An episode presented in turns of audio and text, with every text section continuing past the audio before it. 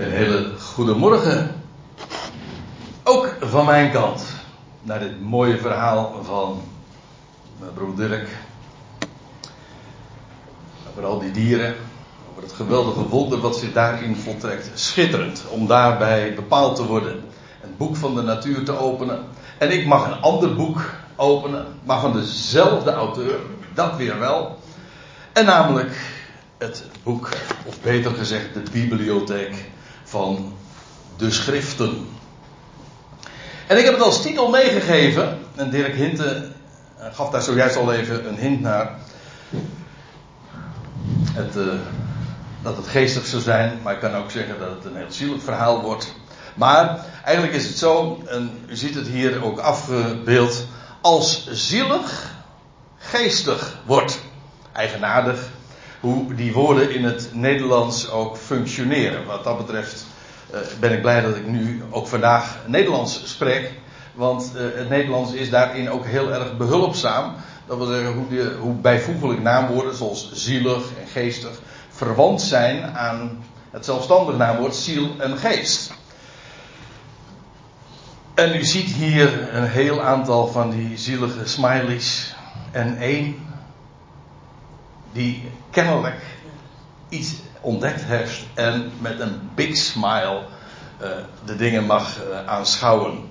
Nou, dat is uh, een mooie vertolking eigenlijk van waar het over gaat. Als zielig geestig wordt. Ik moet erbij zeggen, ik zei zojuist over, dat, over het Nederlands is ons erg behulpzaam om deze dingen duidelijk te maken. Dat is waar. Aan de andere kant moet ik er ook meteen bij zeggen dat als er één begrip is waar enorm veel verwarring over bestaat, dan is het juist over wat zielig is, of zoals wij het meestal gebruiken.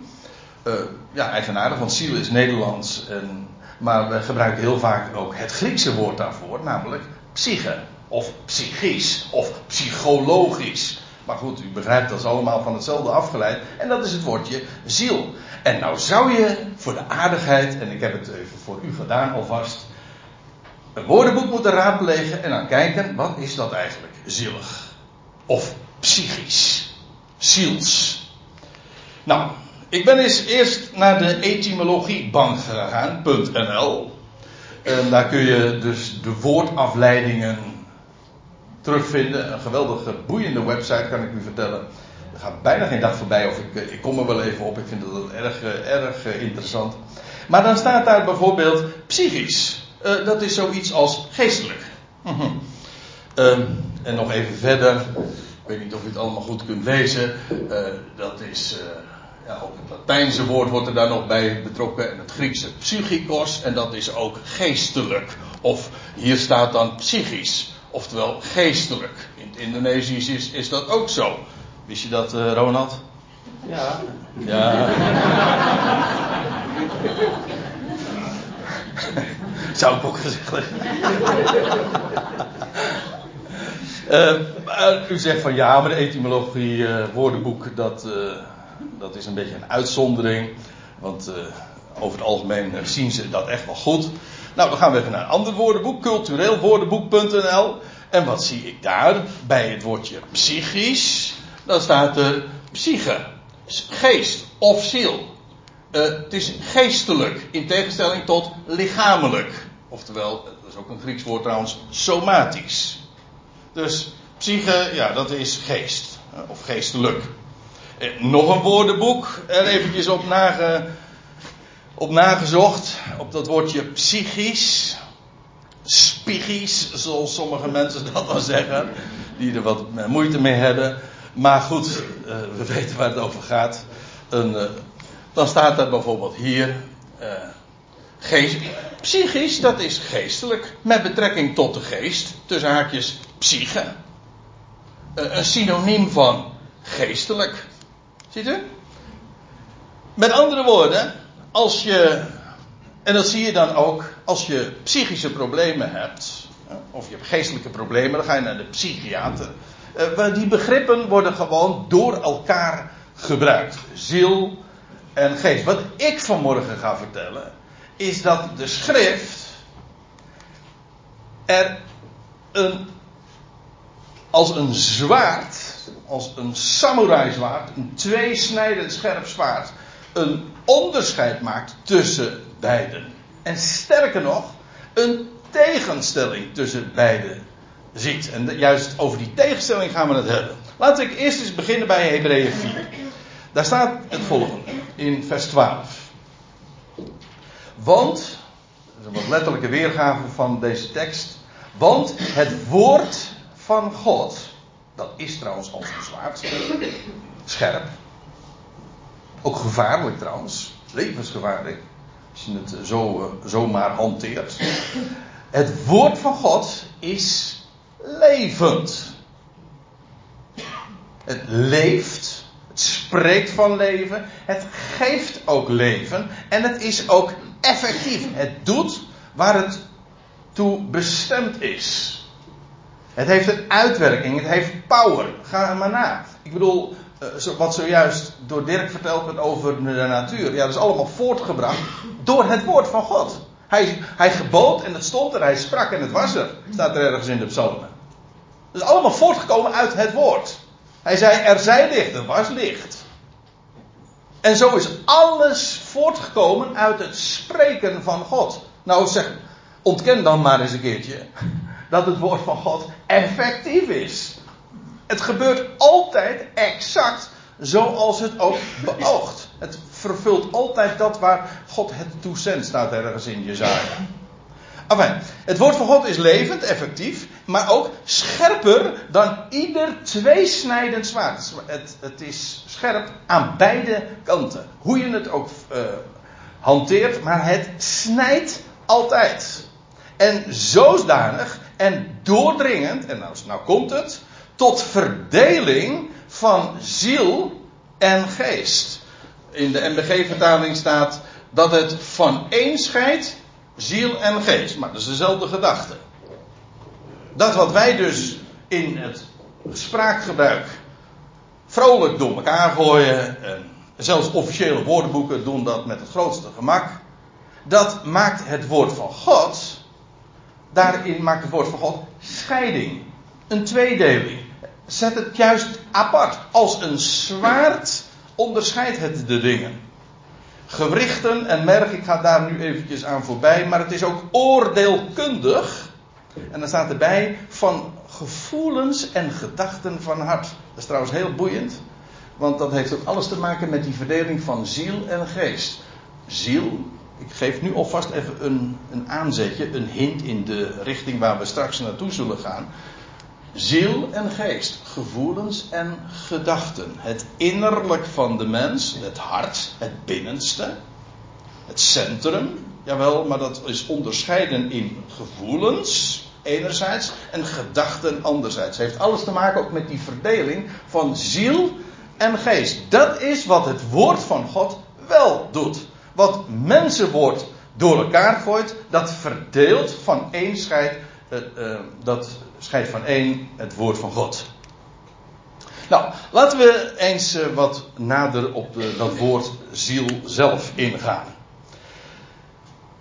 Het woord ziel, zoals wij dat in het Nederlands gebruiken, in de moderne talen is het allemaal, uh, lijkt het allemaal een beetje op elkaar. In het Engels heb je soul, maar in het Hebreeuws is het het woordje nefesh. En in het Grieks, daar hadden we het dus al even over, dat is psyche. En die beide woorden komen we en in de Hebreeuwse Bijbel heel vaak tegen, maar ook in de Griekse Bijbel, uh, het woordje psyche en de bijvoeglijk naamwoord ziels, heel dikwijls. Boeiend en buitengewoon belangrijk. Grappig genoeg. Uh, hadden we het twee weken geleden ook al eventjes eh, in deze richting over dit onderwerp. Toen kwam dat via een andere aanvliegroute ook al even ter sprake. Maar het woord, het ziel wordt voor het eerst gebruikt in verband met het gedierte. Niet in verband met de mens. Het hele idee, dat is dat Grieks-Platonische filosofische idee van een onsterfelijke ziel waar die de mens zou hebben. Dat komen we niet tegen in de, in de Bijbel. Het woord het, idee is niet zozeer dat uh, het hebben van een ziel. Je bent een ziel. Maar het wordt voor het eerst gebruikt in verband met de wemelende dieren. Het wordt een paar keer gebruikt in Genesis 1 dat, het, dat de wateren wemelen, krioelen van, nou ja, dat zagen we zojuist wel met die, nou nee, dat zijn buffels die krioelen niet natuurlijk, maar uh, u begrijpt wat ik bedoel. Die enorme scholen of kuddes of zwermen. Het wemelt, het beweegt. Dat is trouwens ook het onderscheid met een plant. Een plant is geen ziel. Dieren wel. Een plant staat namelijk vast. En we zullen dat trouwens straks ook wel zien. Wat uh, een, nog een, belangrijker onderscheid wellicht met, uh, het, met een, een plant ook is. Maar hou dit vast. Een ziel, dat is. Uh, het wordt het eerst voor gebruikt in verband met het gedierte van het veld of de vogels met de vissen. Dat zijn allemaal zielen. Ze hebben geen ziel, het zijn zielen. Daar zit nog iets achter, en dat verklaart trouwens ook precies waar ik het net over had. Namelijk, een plant is geen ziel. Ja, inderdaad, die wemelt niet, die krioelt niet, die staat op één plek. Dat is één ding. Maar bovendien, de schrift leert ook dat de ziel is in het bloed. Het bloed representeert eigenlijk ook uh, de ziel. Uh, dat zie je op allerlei uh, plaatsen uh, terug. Ik kom daar later in deze toespraak ook nog eventjes op terug. Maar dus, dit is al belangrijk om te zien. De ziel, dat is in het bloed. En dit is iets wat de mens gemeenschappelijk heeft met het gedierte. Namelijk dat, is, dat ze beide in de schrift levende zielen worden genoemd. Dat vind je dus meteen al in Genesis 1 en 2 terug. Dus het verschil is niet, zoals ik dat ooit vroeger wel hoort, ja, een mens heeft een ziel, een dier niet. Dat is heel aardig gezegd. En wellicht ook goed bedoeld, daar heb ik het niet over. Maar het is in ieder geval niet bijbels geformuleerd, want als je meteen gewoon begint bij de eerste bladzijde, dan weet je meteen al van, hé, hey, die gedachte klopt niet. Al moet ik er ook bij zeggen dat als je bijvoorbeeld een NBG-vertaling hebt, dan wordt het woordje ziel vaak gewoon zelfs wegvertaald. Dan staat er bijvoorbeeld in Genesis 1 helemaal niet levende zielen, wat er eigenlijk wel staat, maar er staat er levende wezens. Ja, maar dan raak je de draad natuurlijk kwijt. Dat is lastig. Maar de mens is net als een dier ook een levende ziel. Dat is dus wat die overeenkomt. En ja, wat. Nou in feite kun je dan ook meteen begrijpen wat die ziel is. Als de, een plant weliswaar levend is, maar geen ziel, wat is dan het verschil? Ja, je kan zeggen van. Ja, het gedierte en de mens uh, wordt gekenmerkt door uh, het bezit en het hebben van bloed. Dat is één ding. Maar waar uh, de ziel vooral door gekenmerkt wordt, is door het feit dat het zintuigen heeft. Ogen, oren. Nou ja, het, voelt ook. En dat is precies ook de tastzin. Hè? Je voelt de dingen, je beleeft de dingen, je hebt emoties. Daar zit trouwens ook beweging in. Hè? Motion, beweging. En dat gaat uh, hier en dan daar. Emoties, dat is het leuke van emoties, is dat het nooit hetzelfde is. Dat is trouwens ook het lastige van emoties. Toch? Want je zou emotie, een bepaalde emotie zou je vast willen houden, maar ja, dat is juist wat emotie eigen is. Dat kan je niet vasthouden. Want dat beweegt namelijk altijd voortdurend door, allerlei, door de indrukken die we via onze zintuigen hebben en krijgen. Die zintuigen eh, nemen dingen op. Je maakt dingen mee. En dat eh, beïnvloedt uiteraard de beleving, je emoties. Dat wordt daardoor uh, direct beïnvloed. Nou, dat is wat de psyche, de nefesh, is. Dat is dus een wezen, ja, met zintuigen, bloed en emoties. Trouwens, emoties heeft ook alles weer te maken met, met dat bloed. Want ja, als de emoties heftiger worden, gaat het hart sneller kloppen. En dan, nou ja, dat heeft dus ook alles met, met, met bloed te maken. Ik wil dat uh, eventjes laten voor wat het is. Maar dit is even belangrijk om te zien. Trouwens, dit uh, herken je ook wel als wij het hebben over psyche. Dan doelen wij ook inderdaad op die beleving en met name ook op de gevoelens.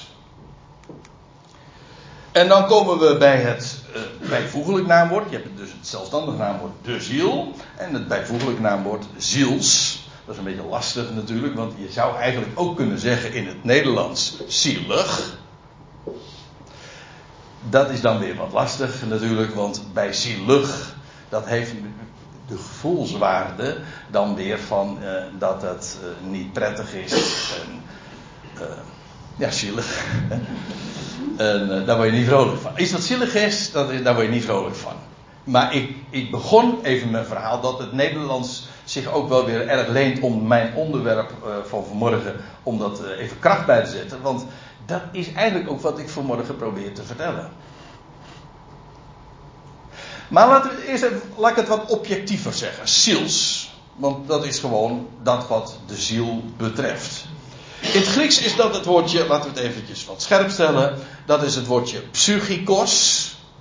En als u voor degenen die dat willen nakijken in een interlineair, dan zie je het strong nummer. Uh, het is een bijvoeglijk naamwoord, ja, dat zei ik al. Afgeleid uiteraard van psyche en dat is ziel. Dat bijvoeglijk naamwoord, ziels, dat komen we zes keer tegen in het Nieuwe Testament. En wel vier keer in de Korinthebrief. We gaan alle keren ook straks bekijken. Ehm, in 1 Korinthe 2, in 1 Korinthe 15. En we komen het ook nog een keertje tegen in Jacobus. En ook nog een keertje in Judas. Maar die twee voorkomens laat ik even uh, buiten beschouwing. U ziet hier ook inderdaad, dit zijn die Griekse woorden en de wijze waarop dat letterlijk dan vertaald zou moeten worden. In de Statenvertaling, daar zie je hoe lastig dit soms ook is. Als je een Statenvertaling hebt, die vertaalt het wel concordant, dat wil zeggen gewoon eensluidend, want alle zesde keren vertaalt de Statenvertaling het woordje psychikos, ziels dus, met natuurlijk. Vreemd. Dat is niet natuurlijk eigenlijk. Hè? De NBG-vertaling, die maakt het er niet veel beter op, want die vertaalt het vier keer met natuurlijk. En ook nog een keertje twee keer met ongeestelijk. En daar zit gewoon dus heel veel uitleg in, maar met vertalen heeft het niet echt veel te maken. Je zou gewoon het woordje psychikos, het is bijvoorbeeld naamwoord van ziel, dus met ziels moeten weergeven als het correct doet. Dus we worden er niet echt mee gediend door het uh, met natuurlijk te vertalen. Uh, ik kan het trouwens dat nog wel demonstreren. Want ziels is echt niet hetzelfde als natuurlijk.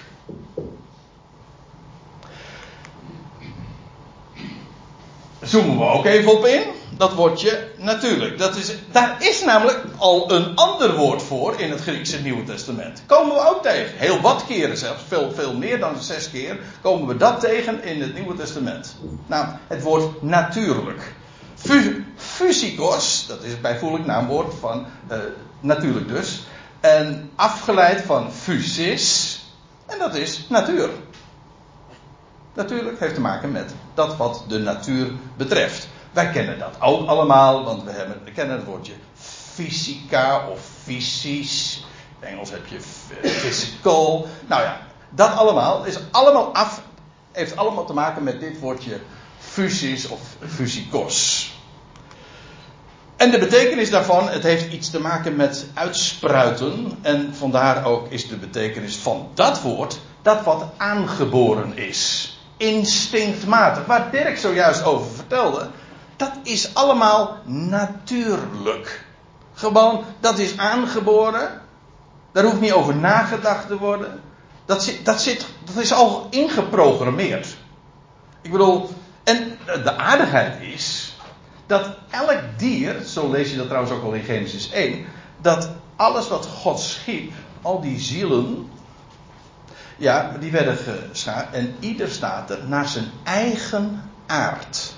Alle soorten hebben hun eigen aandrang, hun natuurlijke aangeboren aandriften. Ik bedoel, wat Dirk vertelde over, die, over zo'n schildpad. Dat hij gewoon meteen richting de zee gaat. Dat is eigenlijk bizar. Waarom gaat hij niet de andere kant op? Hoe weet hij dat? Ja, en dat geldt voor die vogeltrein. Hoe weten ze dat? Hoe weten ze dat ze een nestje moeten maken? Ja, dat doet een vogel. Dat doet een, uh, een kikker weer niet. Die, die doet weer wat anders. Dus elk die heeft een andere aangeboren uh, aandrift. Dat is gewoon ja, de natuur, zeggen we. Dat is natuurlijk. En je kunt ook uh, in het algemeen van dingen zeggen van elk levend wezen, elke levende ziel heeft zo uh, een paar gemeenschappelijke aandrangen. Uh, in het algemeen bijvoorbeeld de behoefte om te eten en te drinken. Dat kan heel erg verschillen. Per soort en hoe en wanneer. En je kan zelfs een heel aantal maanden of een aantal jaren daar, dat onderbreken. Maar allemaal is daar gewoon de natuurlijke behoefte om te eten en te drinken. Of te slapen. Sommige mensen hebben heel sterk die behoefte zelfs. Ik hoop niet nu, maar.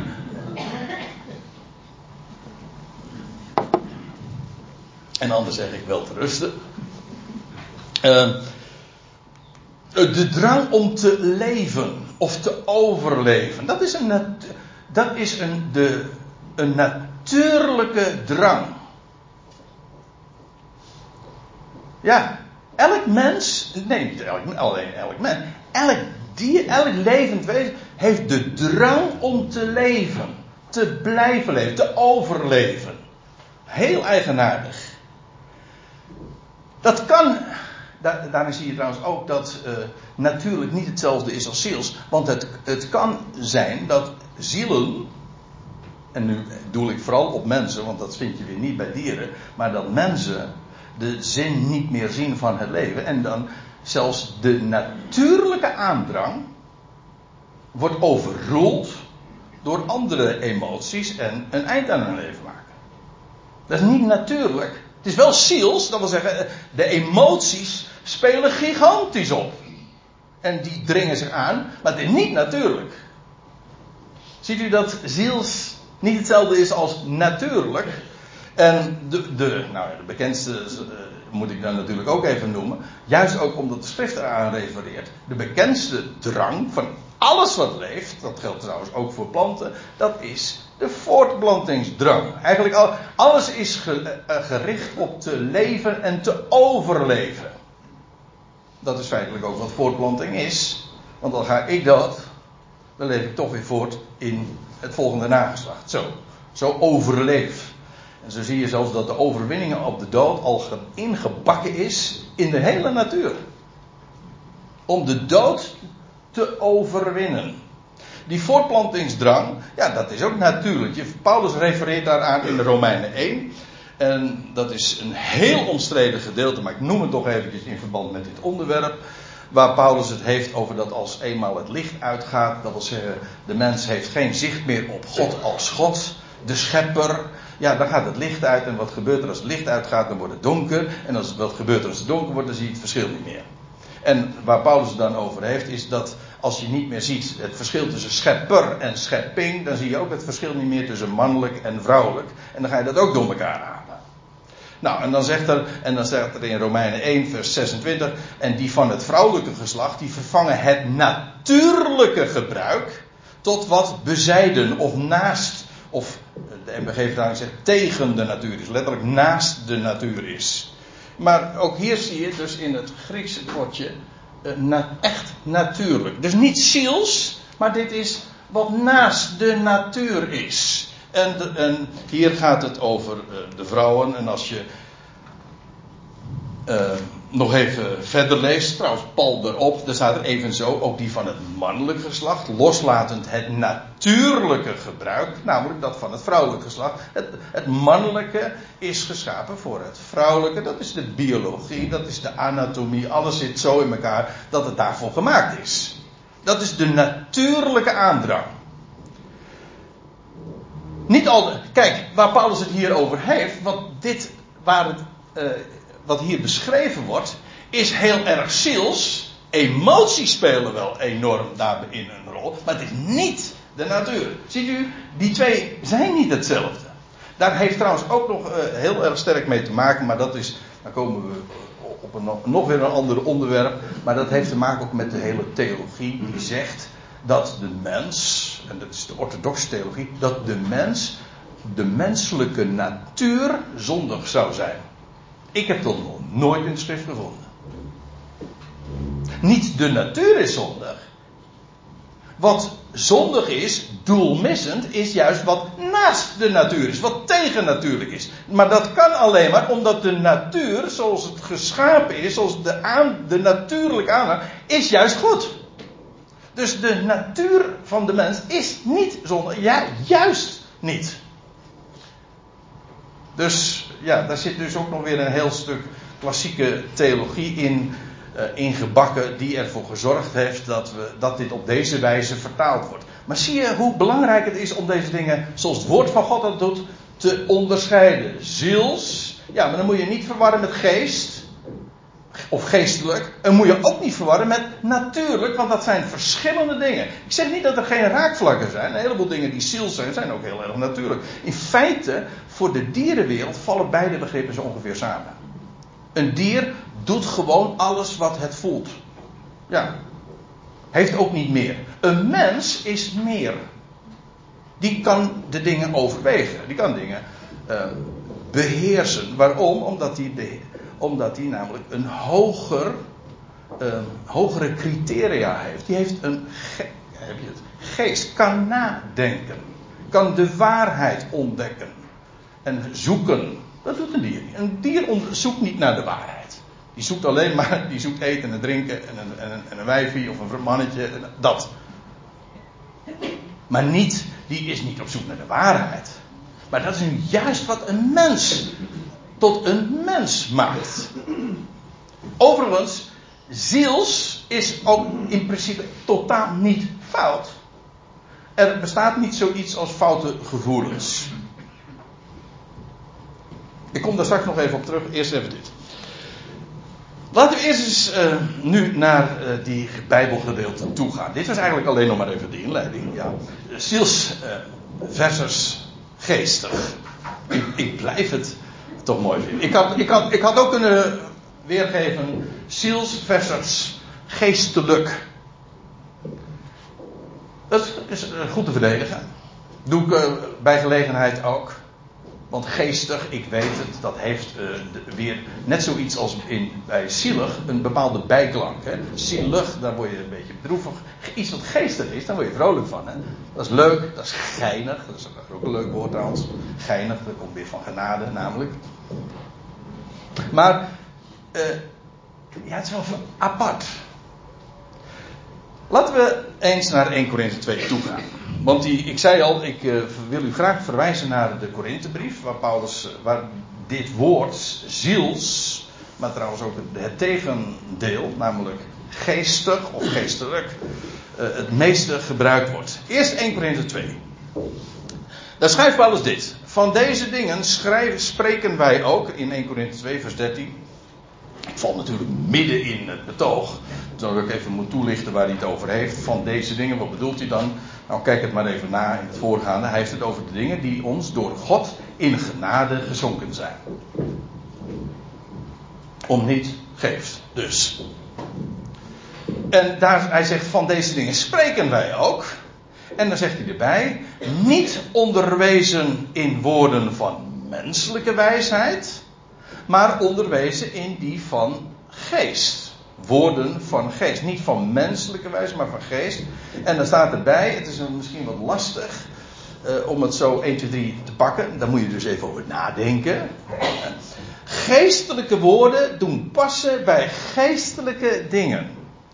Kijk, waar Paulus het over heeft is dat hij wijsheid preekt. De wijsheid van God. Dat is eigenlijk het onderwerp van 1 Korinthe 2 ook. De wijsheid van God geeft hij door. Dat is wijsheid die komt van boven. Ja. Maar die onderwijst hij ook in woorden die matchen. Die precies ook uitdrukken dat wat die wijsheid is. Dus het is niet alleen maar de inhoud die geestelijk is, van God is, maar ook de woordkeuze, de wijze waarop hij het uitdrukt en heeft doorgegeven, de woorden die matchen daarmee. Dat wil zeggen, geestelijke wijsheid, geestelijke inhoud, God, de dingen van de geest van God worden ook in geestelijke woorden, die staan dus tegenover woorden van menselijke wijsheid, niet van menselijke domheid, hè? Let op. Want daarvan, dat zou je kunnen verdedigen. Of kunnen begrijpen. Zo, ja, natuurlijk. Als, je, als domheid is, dan, dan is het niet goed. Nee, het, die, wijs, die, die geestelijke woorden. die staan tegenover woorden van menselijke wijsheid. Dus juist daar waar de mens academisch, intellectueel, op zijn hoogste kunnen is, in de hoogste stand zeg maar, in, zijn, in al zijn vermogen zichtbaar en hoorbaar wordt, juist daar, dat, dat is woorden van menselijke wijsheid, dat staat tegenover geestelijke woorden. Dat is erg belangrijk, want elk woord van, dat zie je in de theologie ook. Dat zijn, daar zitten zo enorm veel woorden, begrippen, uitdrukkingen, die knap bedacht zijn. En soms zo, zelfs zo knap dat geen mens het begrijpt. Zelfs de grootste theoloog heeft het niet in de gaten waar hij het over heeft. Maar ze zijn wel knap. We hadden de vorige keer, twee weken geleden, over de, de onsterfelijke ziel. Dat is een woord van menselijke wijsheid. Dat wil zeggen, uh, intellectuele filosofen hebben die dat woord uh, uh, bedacht, maar ook inhoud gegeven, daarover geschreven, de bibliotheek vol. Ja. Maar er zijn zoveel woorden die in de theologie, in de dogmatiek een enorme grote rol spelen, maar die in de Bijbel helemaal niet tegenkomt. We hadden het eerder over drie-eenheid of God de Zoon. Allemaal termen die weliswaar uh, bedacht zijn, woorden van menselijke wijsheid. En ik bedoel dit niet als een beschuldiging, maar dit is gewoon een vaststelling. Die woorden staan namelijk niet in de schrift. En zijn dus geen geestelijke woorden. Het zijn woorden die bedacht zijn, geconstrueerd zijn, waar heel veel intellectuele denkkracht voor nodig is geweest om dat zeg maar te produceren en te verdedigen. Etc. Ja, maar het is allemaal woorden van menselijke wijsheid. En zijn geen geestelijke woorden. Dat wil zeggen, ze zijn niet onderwezen vanuit de schrift, woord van God, dat levend en krachtig is en scherp. Ja, en dat is de, dat is de norm. Geestelijke woorden die passen precies bij de geestelijke dingen. En dan moet je dus echt bij de schrift zijn. Dat, Paulus spreekt ook over dat dat de gezonde woorden zijn. Als je gezond wil nadenken over de geestelijke dingen, gebruik dan ook geestelijke woorden. Dat wil zeggen, de, bedien je van de termen van de schrift. Ga niet zelf zitten verzinnen en bedenken. Want het hoogste wat je dan kan bereiken, dat is een woord van menselijke wijsheid. Ja, maar daarmee is het meteen eigenlijk ook aan de kaak gesteld. Want dat is dus geen geestelijk woord. Oké. En nou komen we het. Maar een zielsmens.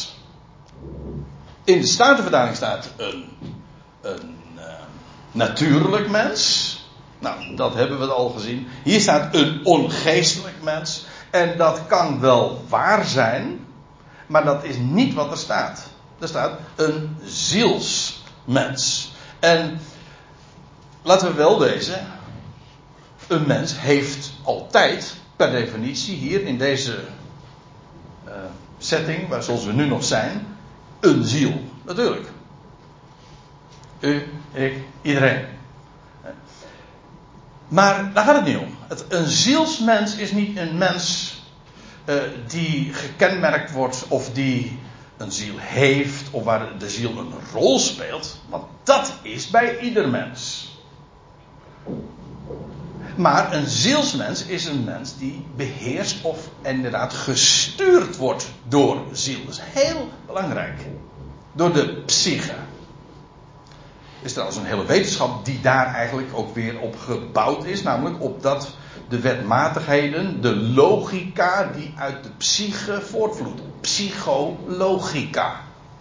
Ja, maar wat is dat dan? Nou, we hadden al eerder over die definitie van, uh, van ziel. Dat is dat uh, een zielsmens die is georiënteerd op wat voor ogen is. In het algemeen zelfs de zintuigen en wat gevoeld kan worden, wat getast kan worden. En wat het gevoel aanspreekt. Is, begrijp me goed. Want ik wil wel goed begrepen worden, want je kan zomaar uh, hier uitglijden of mis dat er miscommunicatie plaatsvindt. Dit is geen veroordeling van, van ziel. Een zielsmens is niet een mens, dus ik herhaal, niet een mens waar de ziel een rol speelt. Dat is namelijk normaal. Maar een zielsmens is een, een mens die zich door ziel, door dat wat voor ogen is en wat de zintuigen streelt en wat het gevoel aanspreekt, zich laat leiden. Voor een dier is dat normaal, voor een mens niet. Een mens is iemand juist die, dat is trouwens ook Grieks, een antropos, dat betekent eigenlijk iemand die omhoog kijkt. Ja, dat is een mens. Dat is, dat is van een andere orde, ander soort zeg maar. Dat is een, een zielsmens, dus dat is degene die georiënteerd is, wat voor oog is en het gevoel aanspreekt. Dat kan ook heel religieus zijn. dan zie je, het is geweldig als er een massa mensen zijn. Dat spreekt, het, dat spreekt toch uh, het gevoel, de zintuigen en het uh, aan. En, uh, of wat dacht u van mooie kerkgebouwen, of gebrandschilderde ramen, of de geur van wier, de geur van wierook. dat soort dingen.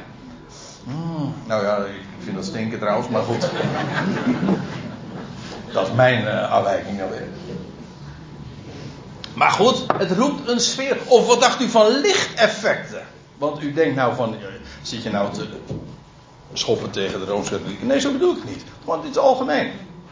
Je ziet het ook in diensten, in charismatische, evangelische diensten, die gebruik maken van harde muziek, ritme, weet je wat, waarbij je zelfs je, dat in je maag voelt, of lichteffect. Dan wordt een sfeer gecreëerd, ook zelfs door muziek. Is er iets mis met muziek? Is er iets mis met lichteffect? Is er iets mis met wierook? Nee, natuurlijk niet, daar gaat het niet om. Maar het gaat erom, waardoor wordt iets geleid en beheerst. En dat ook door muziek en al die effecten bij elkaar kan een mens in ziels, puur ziels. Hij heeft niks met vroomheid of geestelijk te maken. Kan hij in een stemming komen en dan wordt hij, en dan wordt hij een soort van high. En dan denk je, dat is vroom, dat is geest. Nee, dat is, zo, dat is zo ziel zoals het maar kan. Weet je wat ik helemaal in de, in de, ja, hoe zeg je dat? In de gloria ben, ja.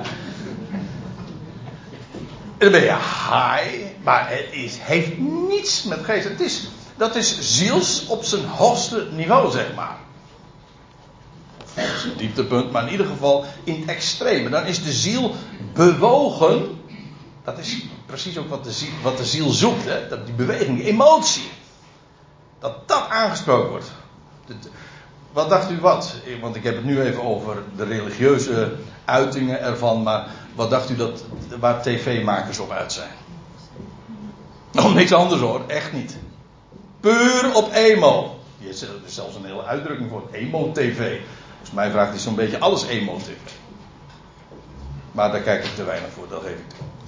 Enfin, een zielsmens, die dus gekenmerkt en beheerst wordt door ziel, die ontvangt niet de dingen van de geest van God. Hij, hij krijgt, aanvaardt niet, dat is actief, hij ontvangt niet. Er zit ook een passief element in. En ik vind het eigenlijk wel aardig, want uh, wij gebruiken het woordje ontvangen ook in verband met een antenne of een schotel. Weet je, je ontvangt niet. Ja, waarom? Kijk, het punt is, hij, een zielsman ontvangt niet de dingen van de geest van God. Ja, want de geest van God, die ontvang je alleen maar op een andere frequentie. Die ontvang je namelijk niet op de frequentie van ziels. Dat kan, kan niet. En er staat er ook bij, uh, dus niet via oog en gevoel. De dingen van de geest van God, wat God vandaag in deze tijd, is erg belangrijk om dat even te benadrukken want in de toekomst, dan komt ook het oog, inderdaad, dan wordt het, als het koninkrijk openbaar wordt, ja, dan wordt, dan wordt het oog ook uh, getriggerd. Dat is waar. Maar nu, in deze tijd, is alles verborgen. En de geest van God werkt niet via het oog. Ook trouwens niet via het gevoel. Is het, ik herhaal het, is er iets mis met gevoel of met het oog? Nee, natuurlijk niet. Maar dat is niet waar de, de antenne, dat is niet de zender, de frequentie waarop de geest van God uitzendt. Dat zijn geestelijke woorden, geestelijke dingen, die zich onttrekken trouwens ook volstrekt aan het oog. En kan het niet het gevoel aanspreken? Jawel, dat kan heel goed. Maar daar gaat het niet om. Een zielsmens ontvangt niet de dingen van de geest van God. Want het is een dwaasheid. hij kan er helemaal niks mee. Hij kan het ook niet kennen. Dus geen verwijt. Het is gewoon heel simpel. Je moet wel een goede antenne hebben, want anders dan kun je zeggen, ja, dat is een hartstikke goede antenne. Ja, maar hij kan dit niet ontvangen. Hij kan het niet kennen. Waarom niet? Nou, Paulus zegt, omdat het op een geestelijke wijze slechts, in de MBG-vertaling staat slechts te beoordelen is, is uh, kritisch wordt beoordeeld. Een geestelijke wijze kritisch wordt beoordeeld. Moet ik eventjes toelichten. Want het woord dat Paulus hier gebruikt, dat is dit woord. Anacrino. En die term, die is eigenlijk een, uh, komt uit de juridische sfeer. Het is een juridische term en we komen hem met name ook tegen in het boek Handelingen. Veruit het meeste. Dit werkwoord. En dan wordt het vertaald met verhoren of navragen, nagaan, onderzoeken. En dan bijvoorbeeld als, als Paulus dan bij Felix of Festus of bij Herodes is, dan wordt hij ondervraagd, getest.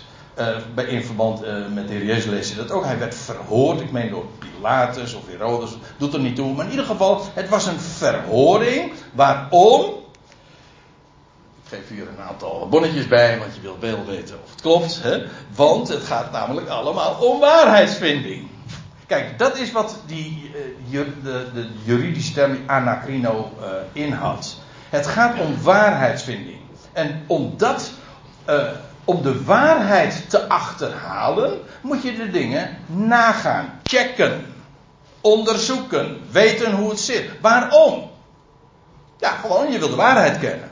Dat is ook precies het enige wat voor een rechter ter zake is.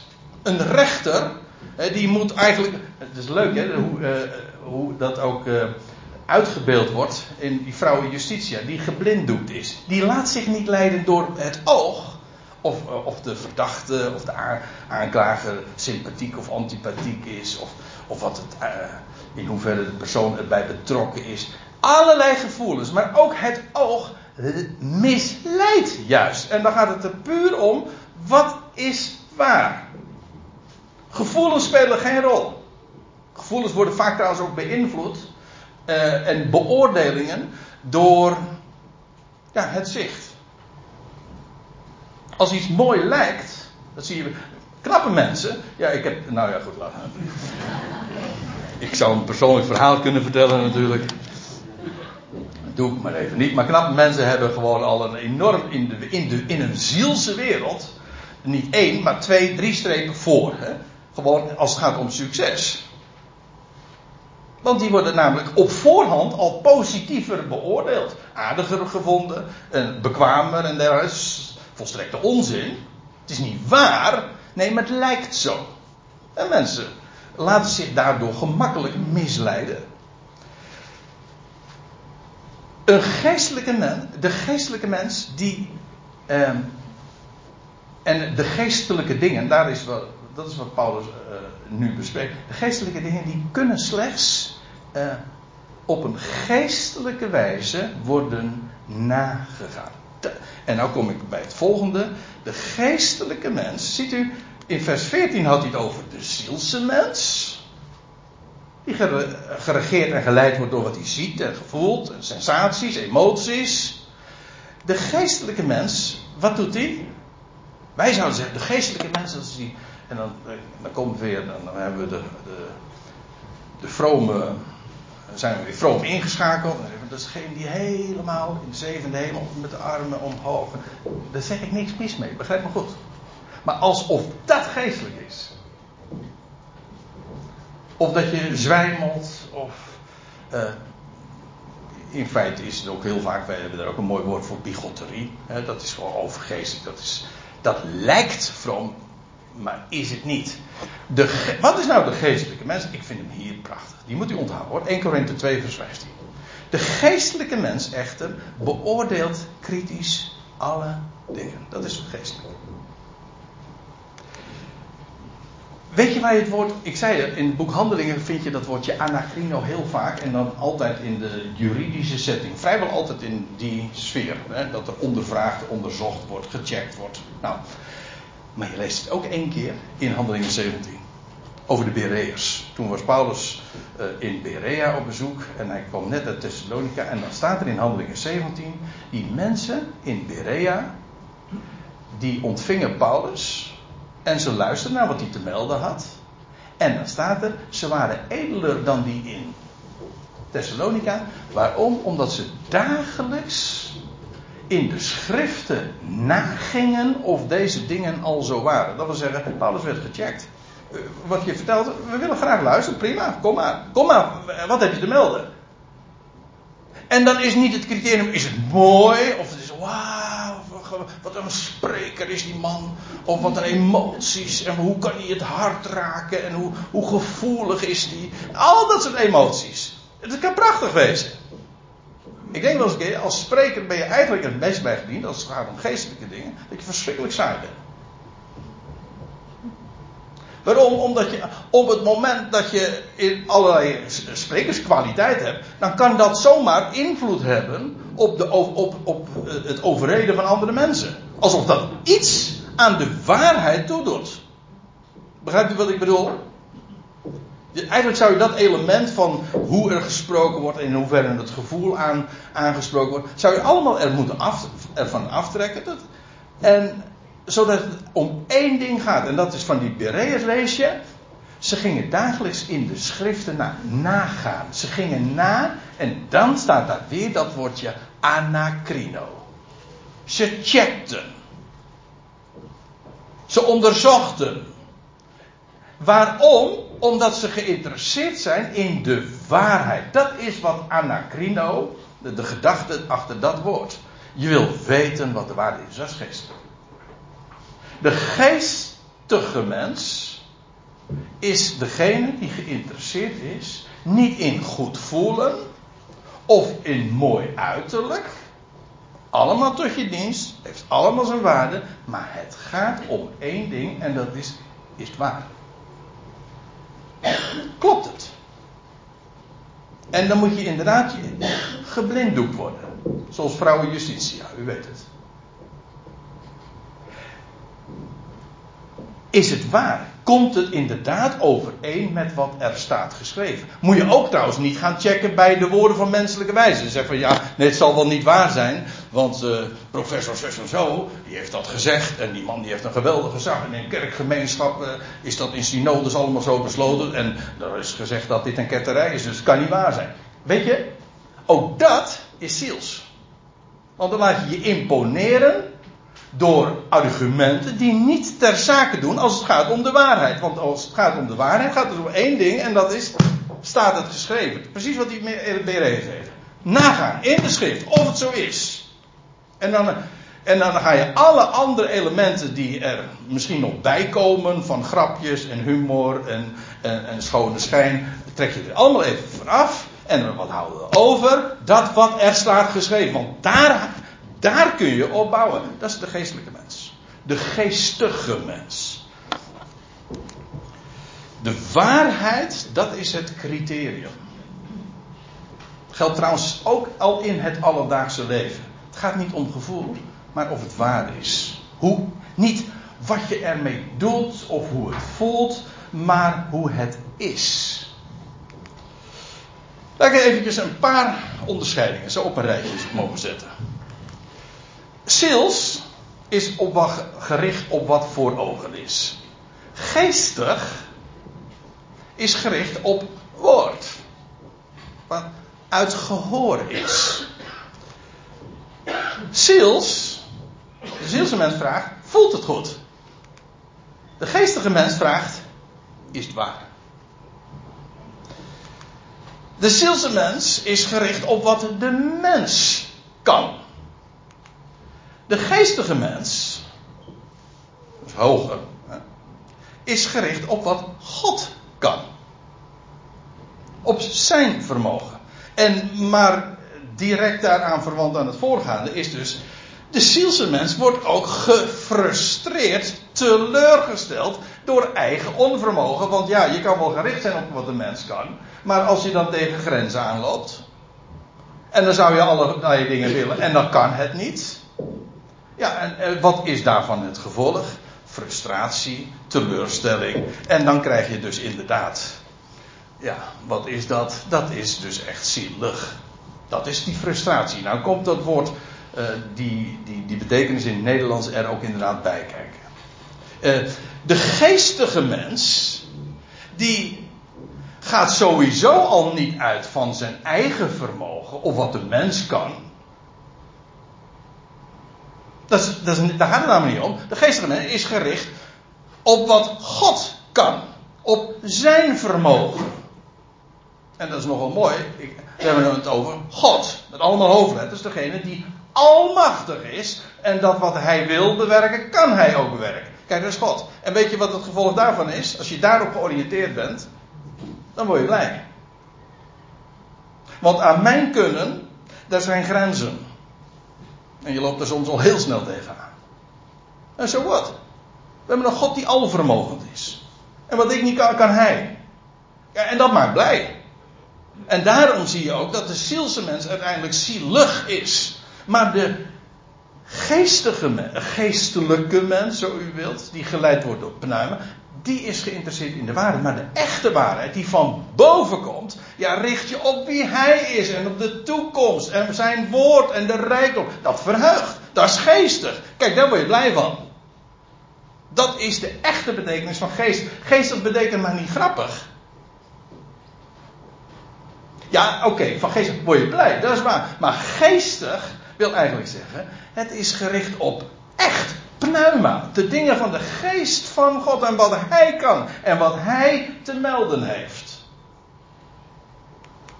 Ja, het ene is dus zielig en het andere is geestig. Nou, nou moet ik toch eventjes nog, nog naar 1 Korinthe 15. En dat is echt geestig hoor. Want dan hebben we het over de toekomst. We weten allemaal uh, ja, we zijn stervelingen. Dat is ook zielig. Want we zijn een levende ziel. Ja, maar we zijn eigenlijk ook een stervende ziel. Een ziel die bezig is dood te gaan. En dat betekent ook trouwens wat het, uh, het woord sterveling wil zeggen. Je bent aan het, je bent aan het sterven. Dat had de Heer ook gezegd tegen Adam al. Dan zul je stervende sterven. Dat is een sterveling. Ja, maar weet je wat nou de geweldige waarheid is? Wij zijn stervelingen. Maar de, de waarheid, waar we het twee weken geleden ook over hadden. De dood is overwonnen. Dat was al vanaf de aanvang beloofd, voorzegd, nauwkeurig. En inmiddels, kan ik zeggen, 2000 jaar geleden, als een feit, historisch gedocumenteerd, bewezen, namelijk de dood is overwonnen. En zal uiteindelijk worden teniet gedaan. Dat is 1 Korinthe 15. Nou, naar dat hoofdstuk gaan we toe. Dat is dat monumentale hoofdstuk over de overwinning op de dood. Nou, er wordt een zielslichaam gezaaid. We hadden het over uh, ziels, uh, dat dat hetzelfde zou zijn als geestelijk. Nou, dat hebben we inmiddels al natuurlijk weggeblazen. Hier worden we trouwens ook weer op getrakteerd. Dus dat is helemaal niet waar. dat ziels tegenover lichaam zou staan, is ook niet waar. Dat zie je hier trouwens. Er, er wordt een dit is een zielslichaam. Dus dat lichaam wordt gekenmerkt door de ziel. Gestempeld of geleid door, door ziel. Psychikos. Een psychisch, een zielslichaam. Dus ziel staat niet tegenover lichaam. Nee, dit lichaam is ziels. Dat is, dat, is, dat is een heel ander verhaal dus. Beheerst en trouwens ook beperkt door ziel.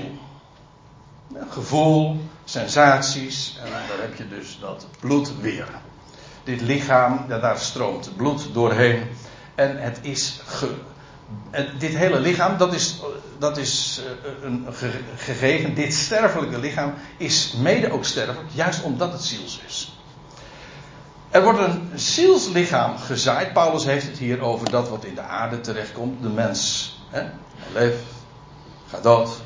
En stof is hij en hij keert weer terug tot de aardbodem. Hij wordt begraven. Hij keert weer terug tot de aarde. Dat is de geweldige betekenis ook van de begrafenis. Het is de symboliek. Want het is echt niet zo dat God een gecremeerd lichaam niet meer zou kunnen vinden of zo. Nee, het gaat om de symboliek. In, bij een begrafenis, dan als een, als een boer vertrouw je het zaad, het lichaam, aan de aarde. In de verwachting dat God op zijn tijd, in een nieuw seizoen, in het voorjaar, als een nieuwe leven ontduikt, dan komt het weer tevoorschijn. In vertrouwen draag je het over aan de aarde. Er wordt, er wordt een zielslichaam gezaaid. Ja, maar er wordt een, een pneumatisch lichaam. Ja, dat is wat Paulus hier zegt een geestelijk lichaam opgewekt.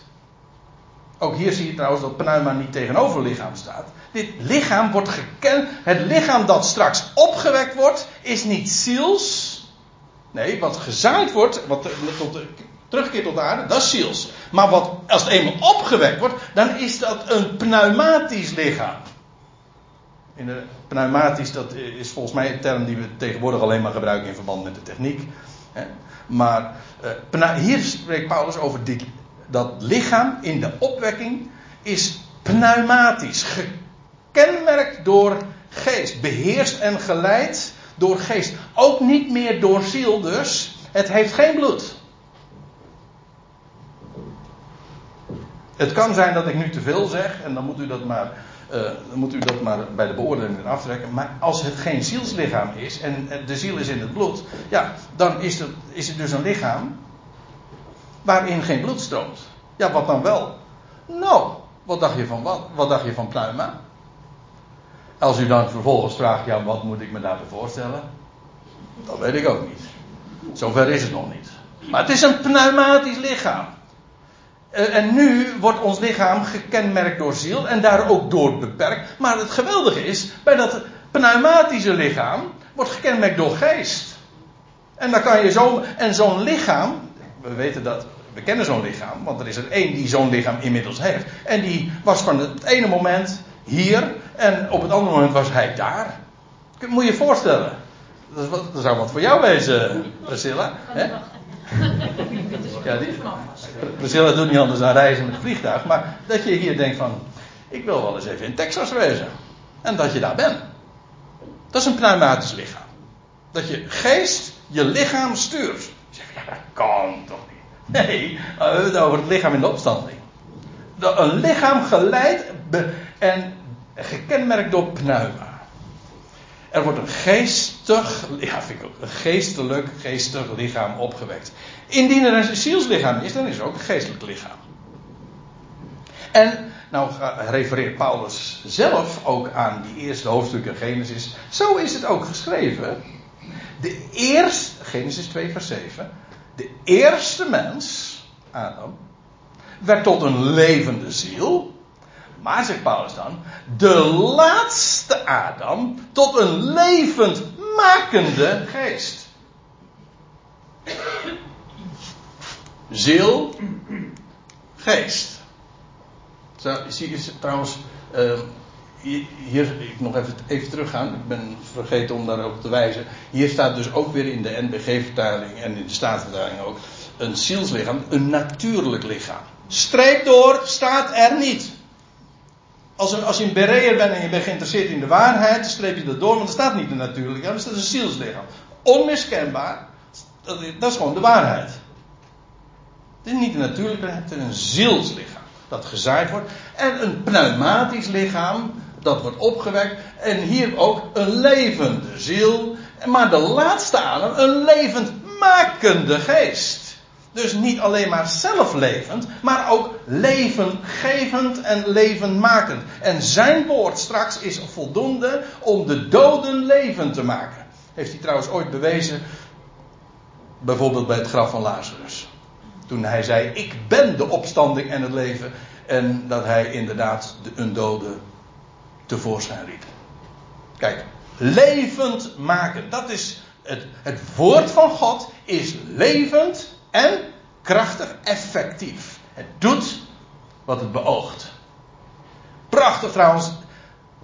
Adam wordt geplaatst tegenover de laatste Adam. En waarom heet hij Adam? Nou, kan u vertellen. Adam heet Adam omdat hij de mens representeert. Adam betekent ook gewoon mens. Of eh, de mensheid. Nou, dat doet Adam. Adam representeert de mensheid. En in hem zijn wij allemaal zondaren en stervelingen. Dat is geen keuze van ons. Dat is gewoon een gegeven. We zijn in Adam. Maar ik, kan, ik heb een goed bericht. En dat is het geestige. Want het zielige is natuurlijk. We zijn in Adam zondaren en stervelingen. Dat is zielig. Maar we zijn in Christus, de laatste Adam, ligt de verzekering en de garantie dat we worden en levend gemaakt en gerechtvaardigd. Alsjeblieft. En wat moet ik ervoor doen? Nou, net zoveel als dat u ervoor moet doen, moest doen om een sterveling en een zondaar te worden. Niks dus. Daar valt trouwens ook niet aan te ontkomen. Ik moet er ook bij zeggen, het is niet allemaal tegelijkertijd, want dat gaat allemaal had Paulus al eerder uitgelegd in 1 Corinthië 15. Iedereen zijn eigen rangorde, allemaal in afdelingen. We zijn eerstelingen, Dirk had er al op gewezen. Dat is waar, maar niettemin, het gebeurt. De garantie ligt er. In de laatste Adam betekent, hij is de laatste Adam, omdat hij de hele mensheid insluit. Ook dit is geen uh, woord van menselijke wijsheid, woorden van menselijke wijsheid en orthodoxe theologie ontkent dit. So what? Het staat geschreven. En dat is de waarheid. En het is imponerend. Daarom is het is niet waar omdat het imponerend is, maar het is imponerend omdat het waar is. Ja. En maar, en dat is het laatste wat ik nog op wijs, dat moet ik ook echt uh, een punt zetten. Zegt Paulus dan nog bij, wil ik nog, toch nog even op uh, attenderen. Maar zegt hij, niet het geestelijke komt eerst. Het geestige, het pneumatische. Maar het zielse. Vervolgens daarna het geestelijke, het geestige, het pneumatische. Eerst ziels, dan pneuma. Pneumatisch. Weet u wat ik het geweldige daarvan vind? Dat betekent dat het hele project Adam niet is mislukt. Zo moest het gaan. Het, eerst moest daar Adam zijn, een levende ziel. Waarom? Nou, als er geen Adam zou zijn, zou er ook geen laatste Adam zijn. Die, kijk, Adam was bij design, gewoon in het ontwerp, als de bedoeling dat hij een ziel zou zijn. Maar hij was niet de definitieve. Nee, hij moest eerst komen, omdat het begint bij het zielse, daarna het pneumatisch. Eerst Adam, daarna de laatste Adam.